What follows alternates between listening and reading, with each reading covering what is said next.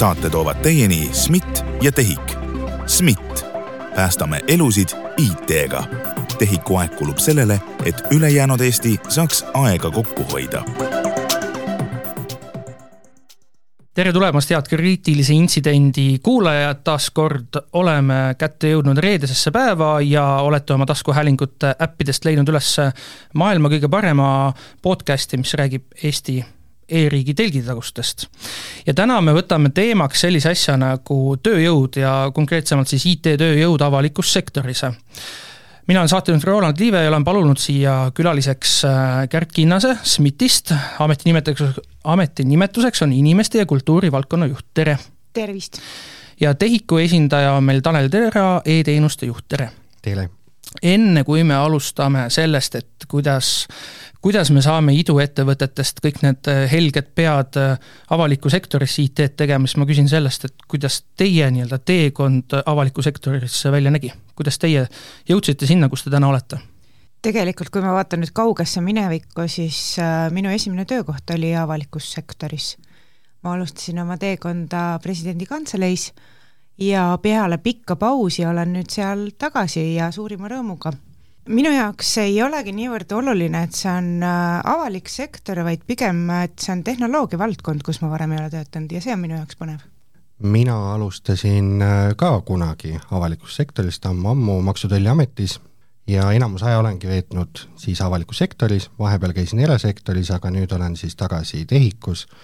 ja ega sama, et tehnoloogia valdkond, et äh, on see avalik, on see era, et ma ei näe tegelikult oma kogemuse pealt väga suurt vahet, et see kogemus, mis mul oli. aga noh, võib-olla siin idude puhul on jah, natuke teistmoodi. aga kuidas siis, Tanel, teil see ähm, erasektorist avalikku tagasitulek oli? oligi lihtsalt see, et kuna te olite juba avalikus olnud, te teadsite kõik, mis see on, millised need hüved on, mida sealt on oodata, võrreldes siis äh. näiteks idu, iduettevõtlusega? Äh, toonane TEHIK-u direktor kutsus, need kutsus vestlema, käisin vestlemas, kõik tundus, et sobib, Äh, väärtused, kõik asjad sobisid ja mulle meeldib see, mis TEHIK teeb ja nii ma sattusin tagasi. äh, otseselt ei, ei kandideerinud. okei okay., kuidas te üldiselt äh, ootate, kas te ootate inimesi või te nii-öelda lähete, koputate igal pool ukse taga ja ütlete, et nii, palun tulge meile tööle, meil on nagu hädasti vaja inimesi? Ma arvan, see on nii ja teisiti, et äh, me peamegi äh, lähenema mitmel moel äh, IT-sektoris värbamisele, et me teeme nii sihtotsingut me, meie inimesed käivad kõrvad kikis, kuulavad kus keegi parasjagu on huvi näidanud üles, et tulla SMIT-i või otsida mõnda uut põnevat tööd aga samuti meil on äh, kodulehel üleval ka kuulutused, meil on erinevates värbamisportaalides kuulutused üleval, et äh, mitmel moel leiab äh, meie juurde tee. meil on sama, et kuulutused, traditsiooniline viis, aga noh, on ka nii-öelda uksele koputamise, et keegi teab kedagi, kes võiks olla huvitatud, et siis käime ja koputame uksele, uurime, et äkki oleks huvitatud meiega liituma. IT-sektoris tegelikult mulle tundub, kõige mõjusam värbamine on läbi tuttavate soovituste.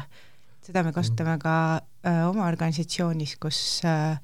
äh, läbi soovituste on äh,, on võimalik siis tulla konkurssidele. kas need vastused, äh, noh, täna te olete teie SMIT-i ja TEHIK-u esindajad, kas nii-öelda laia pintsliga maalides saab neid laiendada kõigile riiklikele IT-majadele? Ma usun küll jah, et äh, kõik IT-majad äh, teevad nii sihtotsinguid, teevad avalikke värbamisi, kasutavad äh, soovitamist ja tuttavate kaudu otsimist. palju teil hetkel selliseid vabu töökohti on, kus te nagu hädasti just arendajaid näiteks ootate? no meil on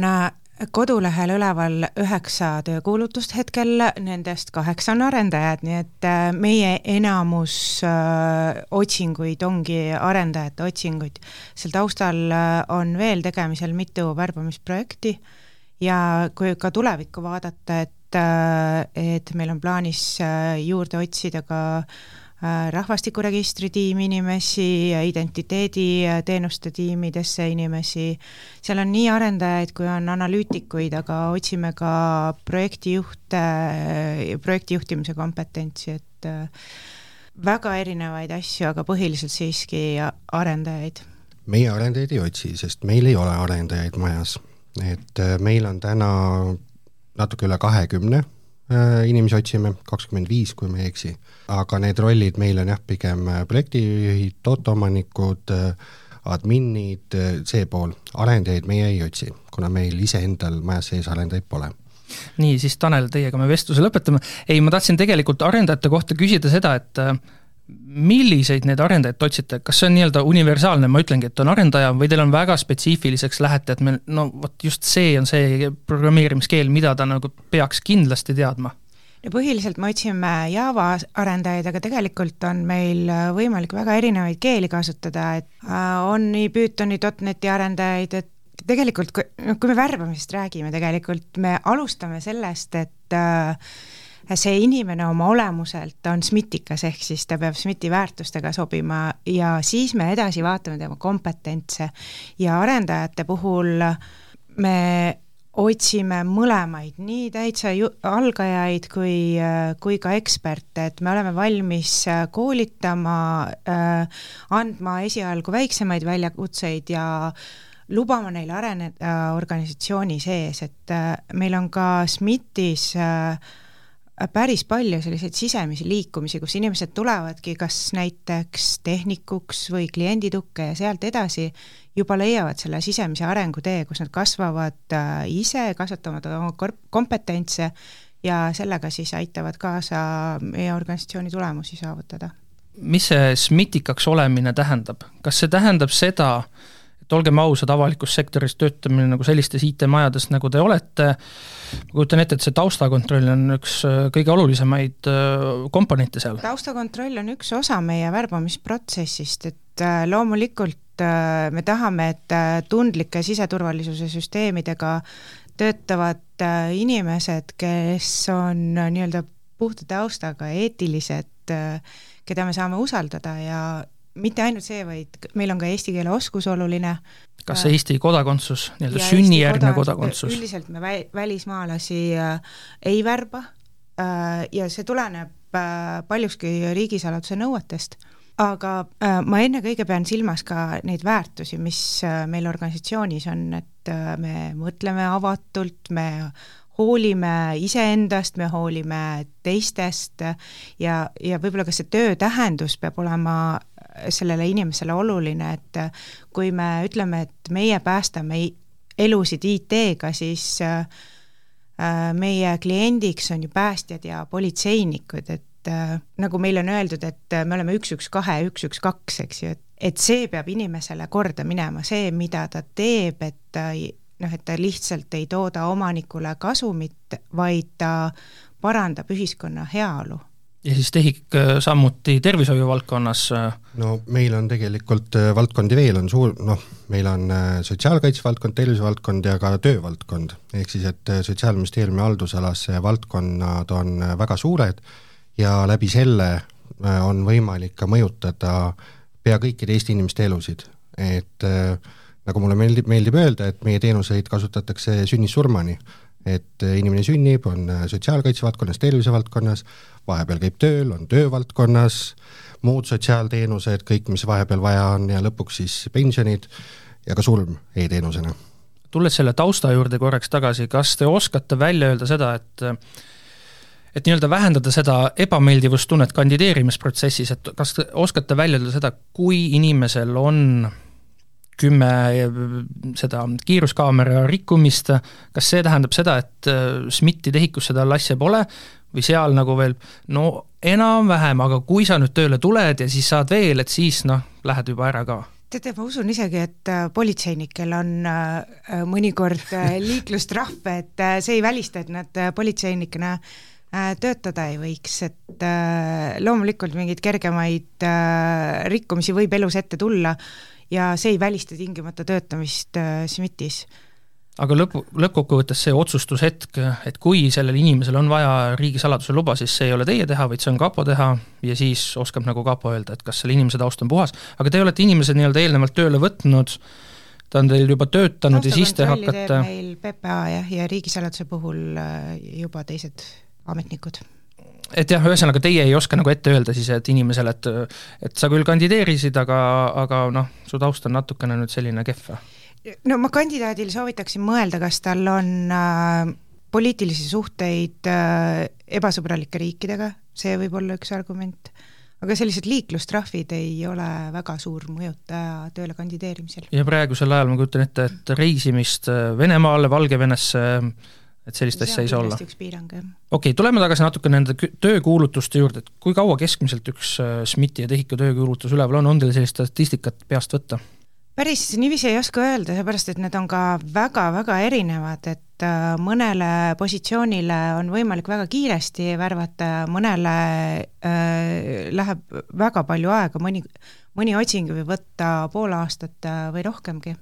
Et see sõltub äh, päris palju sellest äh, töö sisust, mis seal taga on, ja mida äh, kõrgema kompetentsiga, mida spetsiifilisem ametikoht, seda keerulisem on seda leida, et kiiresti täituvad meil ka näiteks tehnikute, klienditoe ametikohad, arendajate puhul me leiame kiiresti juunior-arendajaid, küll aga mida kõrgem kompetents, seda kauem see töökuulutus üleval püsib. Millega te neid inimesi meelitate endale tööle tulema? sest olgem ausad, idusektor suudab palka rohkem maksta kui teie jaa, aga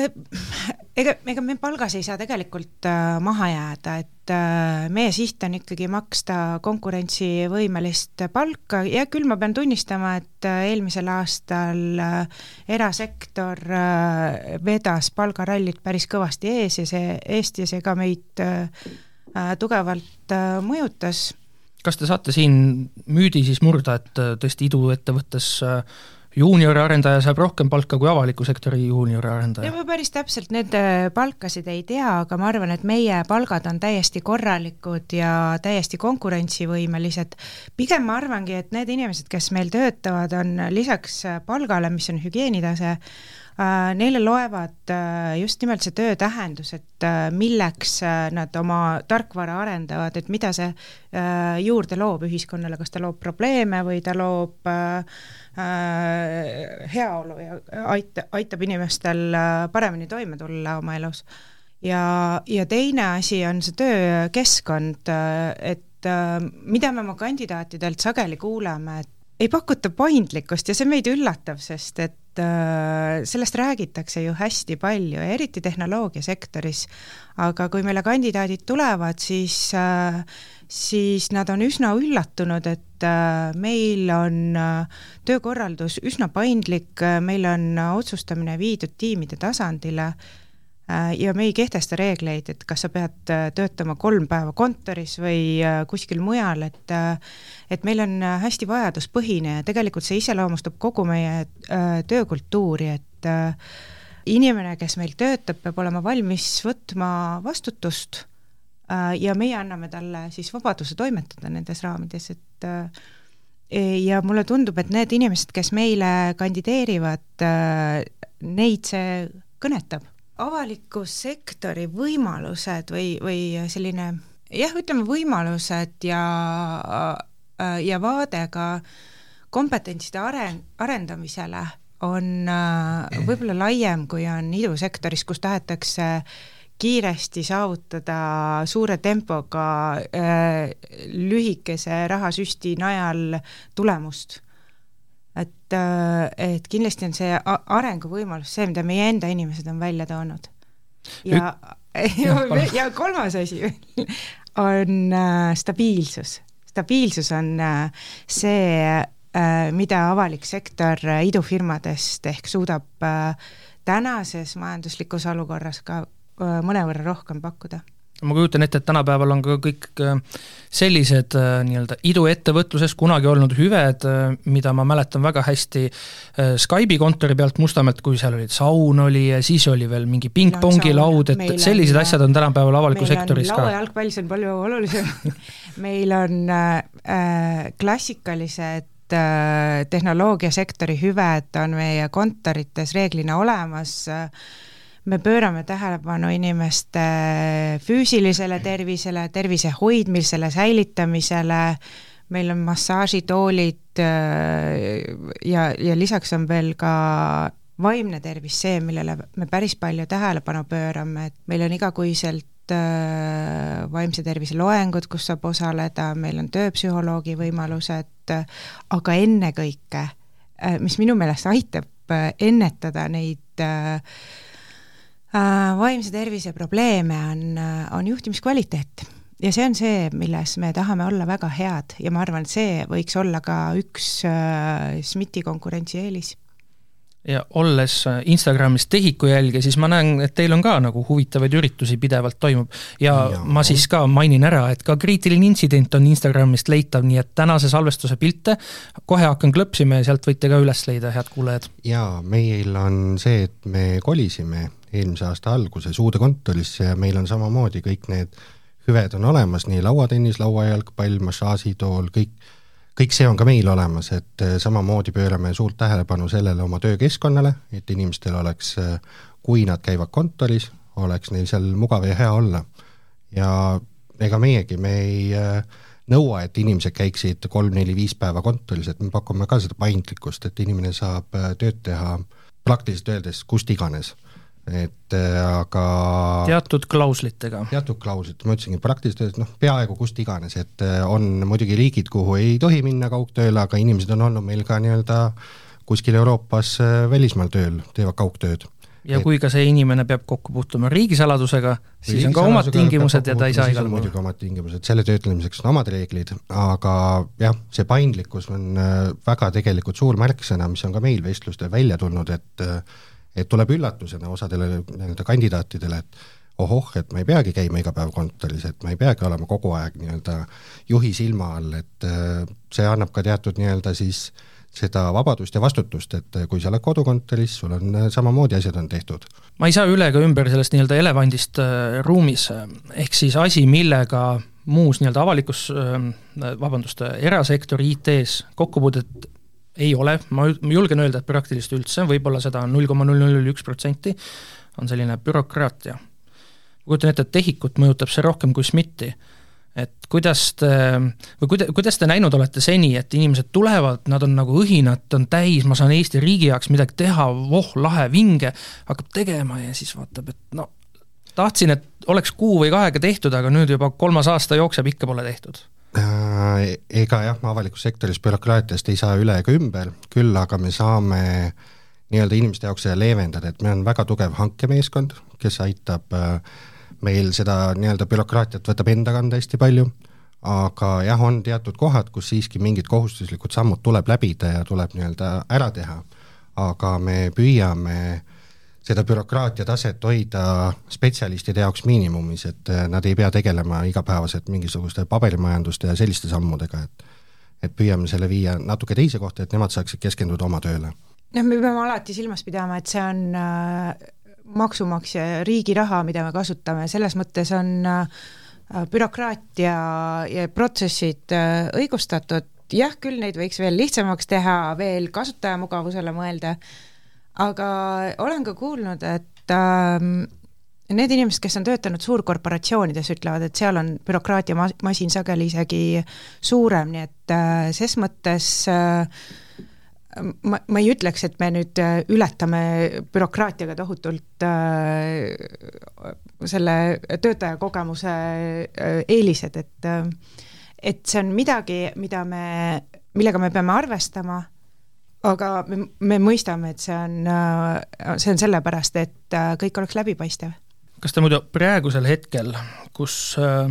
koondamiste laine, no enam-vähem niimoodi on midagi tunda ja näha, et, et on seda, kas te, kas te näete, et huvi siis SMIT-i ja TEHIK-u töökohtade vastu on suurem kui näiteks aasta tagasi? ma tegelikult ütleksin, et aasta tagasi äh, tajusime ka sellist huvi tõusu ja seda võib-olla äh, Äh, Ukraina konflikti tõttu, mis äh, inimeste sellist äh, meelsust mõjutas. täna koondamise majandusolukorra tõttu jah, ma ütleksin, et inimesed otsivad rohkem stabiilsust ja nad näevad, et avalik sektor seda täna rohkem ka pakub, nii et mõnevõrra on meil kandidaate rohkem kui võib-olla äh, aegu tagasi ma ütleks, et äh, on teatud ametikohti, kus on näha, et äh, on, huvi on natukene võib-olla suurem, aga et äh, aus vastuseks see, et ma ei tunne, et seda koondamislainet erasektoris nii palju oleks, samal ajal kui siin mõned suured ettevõtted teavita-, teatavad, et nad hakkavad värbama siin sadade viisi inimesi, et ühest otsast jah, natuke koondatakse, aga teisest otsast siis suured ettevõtted teatavad, et nad hakkavad värbama, et noh, et muidugi see mõjutab meid ka aga see stabiilsus, mis siin välja öeldi, et äh, tegelikult see on kandidaatidele oluline ja vaadatakse ikkagi ka avaliku sektori poole, et äh, vahepeal olla võib-olla natuke stabiilsemas keskkonnas. Jaa, et meie paneme ju oma eesmärgid äh, pikalt ette paika, et äh, lähtume siseturvalisuse arengukavast ja eesmärkidest äh,, lähtume digiühiskonna arengukavast, et äh, me teame üsna pikalt ette, mis meid, äh, äh, missuguste eesmärkide täitmine meid ees ootab ja tegutseme selle nimel, et me ei pane nii-öelda putkad kinni nädala või kuu ajaga, eks ju. olles aastate jooksul teinud väga palju äh, intervjuusi seoses siis nii-öelda ütleme suurelt e-Eestiga ja ehk siis väga paljude avaliku sektori inimestega suheldes ja olles neid nii-öelda hiljem jäänud siis jälgima, kuidas nende käekäik on, siis ähm, tihti näen seda või märkan sellist mustrit, et ähm, ma ei ütle, et see on SMIT või TEHIK, vaid ma ütlen üldse nagu riiklikud IT-majad, töötatakse seal mingi aeg ära ja siis minnakse äh, erasektorisse, aga see töö, mida nad teevad, on tegelikult äh, ikkagi TEHIK-u või SMIT-i või mõne muu nagu riikliku IT-maja heaks. kui palju teie tegelikult sellist näete, et ma ei tea, kas nad üritavad siis sellest ikkagi, natukene seda bürokraatiat on, te küll ütlesite, et mitte nii palju, aga kas nad nagu üritavad mingi sellest ahelast nagu välja saada, aga samas olla nagu eraettevõtte alt selle äh, ahelaga natukenegi seotud siis? ma üldse äh, niiviisi seda bürokraatiat pilti ei tooks, et meie inimesed ei ole seda nagu nii märkimisväärselt äh, ära maininud Äh, kui inimesed liiguvad erasektorisse, sealjuures äh, äh, ka nendesse, kes meie partner, koostööpartneritena meile tööd teevad, et pigem on nad välja toonud selle, et nad on töötanud pikalt avalikus sektoris, tahaks saada erasektori kogemust. et pigem on toodud see aga siis nad tegelikult ei saa ju seda päris, päris õiget kogemust Äh, noh, võib-olla äh, sellisel moel, et kuidas üks erasektori organisatsioon toimib, jah, ta töötab nagu sisu poolelt äh, äh, võib-olla samade protsesside juures, mis, mis SMIT-iski äh,, aga, aga organisatsioonina ta näeb võib-olla sellist teistsugust äh, poolt. Ma ei ole tegelikult oma, oma karjääri jooksul vist ka kohanud kedagi, kes ütleks, et ma ei taha avalikus sektoris töötada, et ma jään erasse tagasi või et äh, avalik sektor on niisugune noh, bürokraatiamasin, kus ei taha olla, et seda bürokraatiat ei tasu üle tähtsustada, et pigem on, täpselt nii ongi, et äh, inimene tahabki minna, vaadata, kuidas nii-öelda teise poole aeda see muru on, et kas on sama roheline või või kuidas sealpool tundub. Ja äh, ega erasektoris noh, need koostööpartnerid, kes meil on, et äh, nemad saavad ka, et äh, on siis see sotsiaalkaitse valdkond, töö või tervisevaldkond, et erasektoris lihtsalt äh, suuremates ettevõtetes neil on äh, mingi võimalus öelda, et ma tahaks mõnes muus tiimis töötada, et äh, näha ka seda nii-öelda mingit, mingi muu tiimi dünaamikat, et samas majas sees meil on ka, liikumine on täitsa okei okay,, et kui sa tahad a la ühest osakonnast teise või spetsialistist kuskile edasi areneda, et kõik on lubatud, aga et, et erasektori puhul inimesed tahavad lihtsalt uudishimust on, lähme vaatame, kuidas erasektoris asju tehakse. ja võib-olla siin on ka tegelikult äh, olulisemad need äh, tehnoloogilised piirangud, näiteks äh, pilvetehnoloogia kasutamisel, on ju, et äh, arendajad äh, mõnikord tunnevad, et nad tahaksid ka seda kogemust saada, mida nad äh, noh, just äh, meie juures töötades ei saa nende piirangute tõttu aga ma ütleksin, et avaliku sektori jaoks on äh, pigem väljakutse ennast tehnoloogia äh, äh, valdkonna inimestele nähtavamaks teha, et äh, tavapäraselt üks arendaja ei mõtle sellele, kui ta hakkab töökohta vahetama või töö, tööd otsima, et äh, oh, ma võiks töötada avalikus sektoris, et äh, see ei tule neile esimesena pähe. ja vot seda me peaksime muutma, et see mõte tuleks talle ka pähe. et ta esimesena mõtleb võib-olla just äh, erasektori silmapaistvatele äh, tehnoloogiaettevõtetele et siin on meil äh, minu meelest äh, avaliku sektori äh, tehnoloogia valdkonnas suur töö teha veel jaa, aga meil on olnud ka kandidaate, kes on tulnud, et ma tahangi tervisevaldkonda panustada või sotsiaalkaitse või töövaldkonda panustada, et neid kuidagi kõnetab see valdkond. et ikkagi see missioonitunne on see, mis paljusid toob TEHIK-usse ilmselt kas mitte, et, et tahab nii-öelda ühiskonnale tagasi anda oma siis nii-öelda teadmiste näol ja selle panuse näol. et on, on viimasel ajal eriti on olnud, et äh, tahaks mingisse kindlasse valdkonda pakkuda, et ju siis on huvi selle valdkonna vastu või on mingi kokkupuude sellega, aga siin tahetakse panustada. teen nüüd kuulajatele taaskord äh, reklaami sellesama podcast'i reklaami, mida te praegu kuulate, kriitilise intsidendi ühes äh, osas, mis kannab järjekorranumbrit, ma jään vastuse võlgu äh, olid külas Riia ja Tehiku juhid ja siis me rääkisime poliitikast. ja nende selline sõnum oli, et poliitikud võiksid oma sõnumites olla natukene selgemad ja mitte nii palju nagu pendeldada kogu aeg nagu siia-sinna. see on nüüd koht, äh, kus ma saan teie käest küsida, kui palju siis selline ükstapuha, kes ta on, mis poliitik ta on, mis erakonnas ta on, mida ta välja ütleb, kui ta on äh, siis äh, koalitsioonis, kui palju see nagu igapäevatööd teil mõjutab, kas see on niimoodi, et me oleme nüüd näinud äh, pikalt-pikalt vaeva ja siis lihtsalt ühe lausega pühitakse kõik see ära ja nüüd me peame nullist alustama midagi täiesti teistsugust tegema? ma olen Tartu Ülikoolis magistriõppes tudeng sellisel õppekaval nagu muutuste juhtimine ühiskonnas ja uurisin just eelmisel kevadel IKT tööjõu, tööjõuturu äh, teemasid ja avaliku sektori vaatest ja uurisin ühe aspektina ka poliitilise äh, poliitiliste mõjutust või ütleme, poliitilist mõju siis, et kui palju poliitilised otsused, tõmbetuuled mõjutavad. Ja uurisin meie oma inimeste käest, et missugused tegurid on siis olulised ja toodi välja, et et tegelikult äh, peetakse oluliseks äh, äh, seda, milliseid asutusi me teenindame, et milline on nende maine, et see on tähtis. meie siseturvalisuse valdkonnas teenindame asutusi, kus on usaldus riigis kõige kõrgem. üheksakümmend seitse protsenti usaldab Päästeametit, kaheksakümmend kaheksa protsenti PPA-d, et tänu sellele on ka äh, SMIT-i äh, äh, maine kõrge, me toodame äh,, äh teeme arendusi neile äh, asutustele. aga teisena toodi välja ka, et äh, oluline on äh,, mitte nii, nii palju, aga mingil määral on oluline ka ministri või selle partei maine, kus ta töötab, et et tasub ka neid reitinguid jälgi-, jälgida, et kas see minister töötab nii-öelda meie kasuks või pigem kahjuks. ja kolmandana just see sinu mainitud, et milline on riigi kommunikatsioon üleüldse äh, IKT lahenduste vaatest, et kas me investeerime sinna või me pigem Äh, ütleme, et meil, me täna investeerime kuskile mujale, et või et meil on mingid muud prioriteedid. et see annab ka laiemalt sõnumi, kas äh, me peame seda oluliseks, äh, kas me tahame arendusi välja töötada, käimas hoida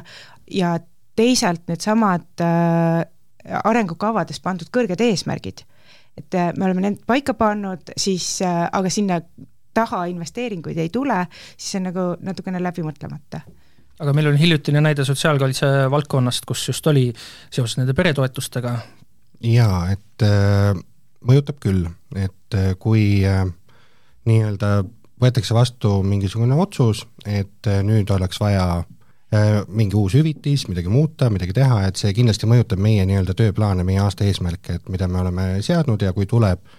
midagi kuskilt äh, poliitikute poole pealt, äh, siis see jõuab lõppude lõpuks meie lauale, et äh, küll läbi ministeeriumi, läbi asutuse, konkreetse asutuse, kes siis seda ellu viib, aga et see mõjutab meie igapäeva tegemisi, aga sellisel juhul ongi see, et tuleb prioriteedid üle vaadata, et kui tööplaan on nii-öelda juba planeeritud, siis me peame vaatama, et mis on siis see, et mille arvelt seda teha tuleb. et äh, midagi peab ilmselt siis natukene pausile minema, äh, et äh, siis selle uue, uue teemaga tegeleda. aga seal ongi ka see, et noh, see nii-öelda siis sõnumi selgus või et see, et kuidas see laiali kommunikeeritakse, et mid-, mida tahetakse saavutada, et see on oluline. Aga meile jah, jõuab ta lõpuks läbi ministeeriumi, näiteks läbi Sotsia-, Sotsiaalkindlustusameti ja siis jõuab see meie lauale, meie asi on ära hinnata, et mis see ajaraam on, mille, mis sinna läheb, mis see aeg on, või noh, aeg, ressurss pluss raha, et kõik see pool on siis meie asi hinnata, et ja siis tuleb prioriteedid panna, et kui kiiresti vaja teha on, kas midagi tuleb edasi lükata. Ja mõjutab küll, noh, ja ka see aasta kevadel on valimised, et eks siis näis, et, et mis, mis meil siin lauale tuleb. kas lõpetuseks teie üleskutse kõigile huvitatud osapooltele, inimestele, siis avalikus, vabandust, erasektoris võiks olla see, et kui te nüüd kiirelt-kiirelt veel kandideerite, siis teil on võimalus ära näha nagu kaks erinevat valitsust, ehk siis teoreetiliselt võib olla kaks erinevat nagu lähenemist kogu sellisele riigi IT-le laiemalt mõttes. ma Aga ei tahaks seda kuidagi valimistega siduda, seda meile kandideerimist, et ja me ju ei tea, milline saab olema uus valitsus selles mõttes, et kas ta on erinev või ei ole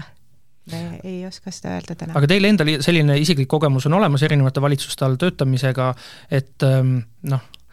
te-, okei okay,, seal on nagu väga palju sellist poleemikat ja sellist nagu võib-olla väga palju erinevaid tahke ja nurki, aga samas see on ju tegelikult põnev ka ju mõnes mõttes. mina arvan, et pigem mõjutab siin ähm, valimiseelne periood Äh, rohkem, et, et äh, just rahastuse mõttes, et äh, suures plaanis väga palju muutusi ei ole, nagu öeldud, et me tegutseme arengukava ja seatud eesmärkide järgi ja neid väga naljalt ei kõigutata, et jah, võib-olla mingid asjad tõusevad prioriteetsuse järjekorras ettepoole või vajuvad tahapoole, aga, aga põnevad projektid on ees nagunii, et küsimus on rahastuses jah, ja ka meil on see, et äh, pikad plaanid on äh, suure, suured pikad plaanid on paigas, et kuhu suunas me liigume, mis on meil äh, nii-öelda need järgmised pikad eesmärgid, et valimiste puhul jah, et kui uus valitsus tuleb, on mingid oma prioriteedid, aga meil on ka noh, vaja nii-öelda pikemad eesmärgid ära täita, et nii uue põlvkonna tervise infosüsteemi puhul näiteks kui ka sotsiaalkaitse valdkonnas, töövaldkonnas, et need ikkagi laias laastus jäävad alles, et põnevaid väljakutseid on nii või naa. Head kriitilise intsidendi kuulajad, selline saigi meie tänane saade, saates olid külas SMIT-i inimeste ja kultuurivaldkonna juht Kärt Kinnas ja TEHIK-u e-teenuste juht Tanel Tera. loodetavasti saite te ülevaate sellest, milline võib töö välja kujuneda või välja näha siis avaliku sektori kahes suures IT-majas, TEHIK-us ja SMIT-is kui te kandideerite ja teil on kas hea või halb kogemus, te võite ka meile geenius.geenius.ee tagasisidet anda ja siis me saame teha järgmise saate, näiteks inimeste enda kogemuse pealt, milline nende protsess siis kandideerimisel välja nägi ja mina olin saatejuht Roland Liive, kindlasti jälgige meid Instagramis, leidke meid üles Apple podcast'ist, Spotify'st ja kõikjalt mujalt, kus te oma podcast'e kuulate. tänan kuulamast ja kohtumiseni uuel nädalal.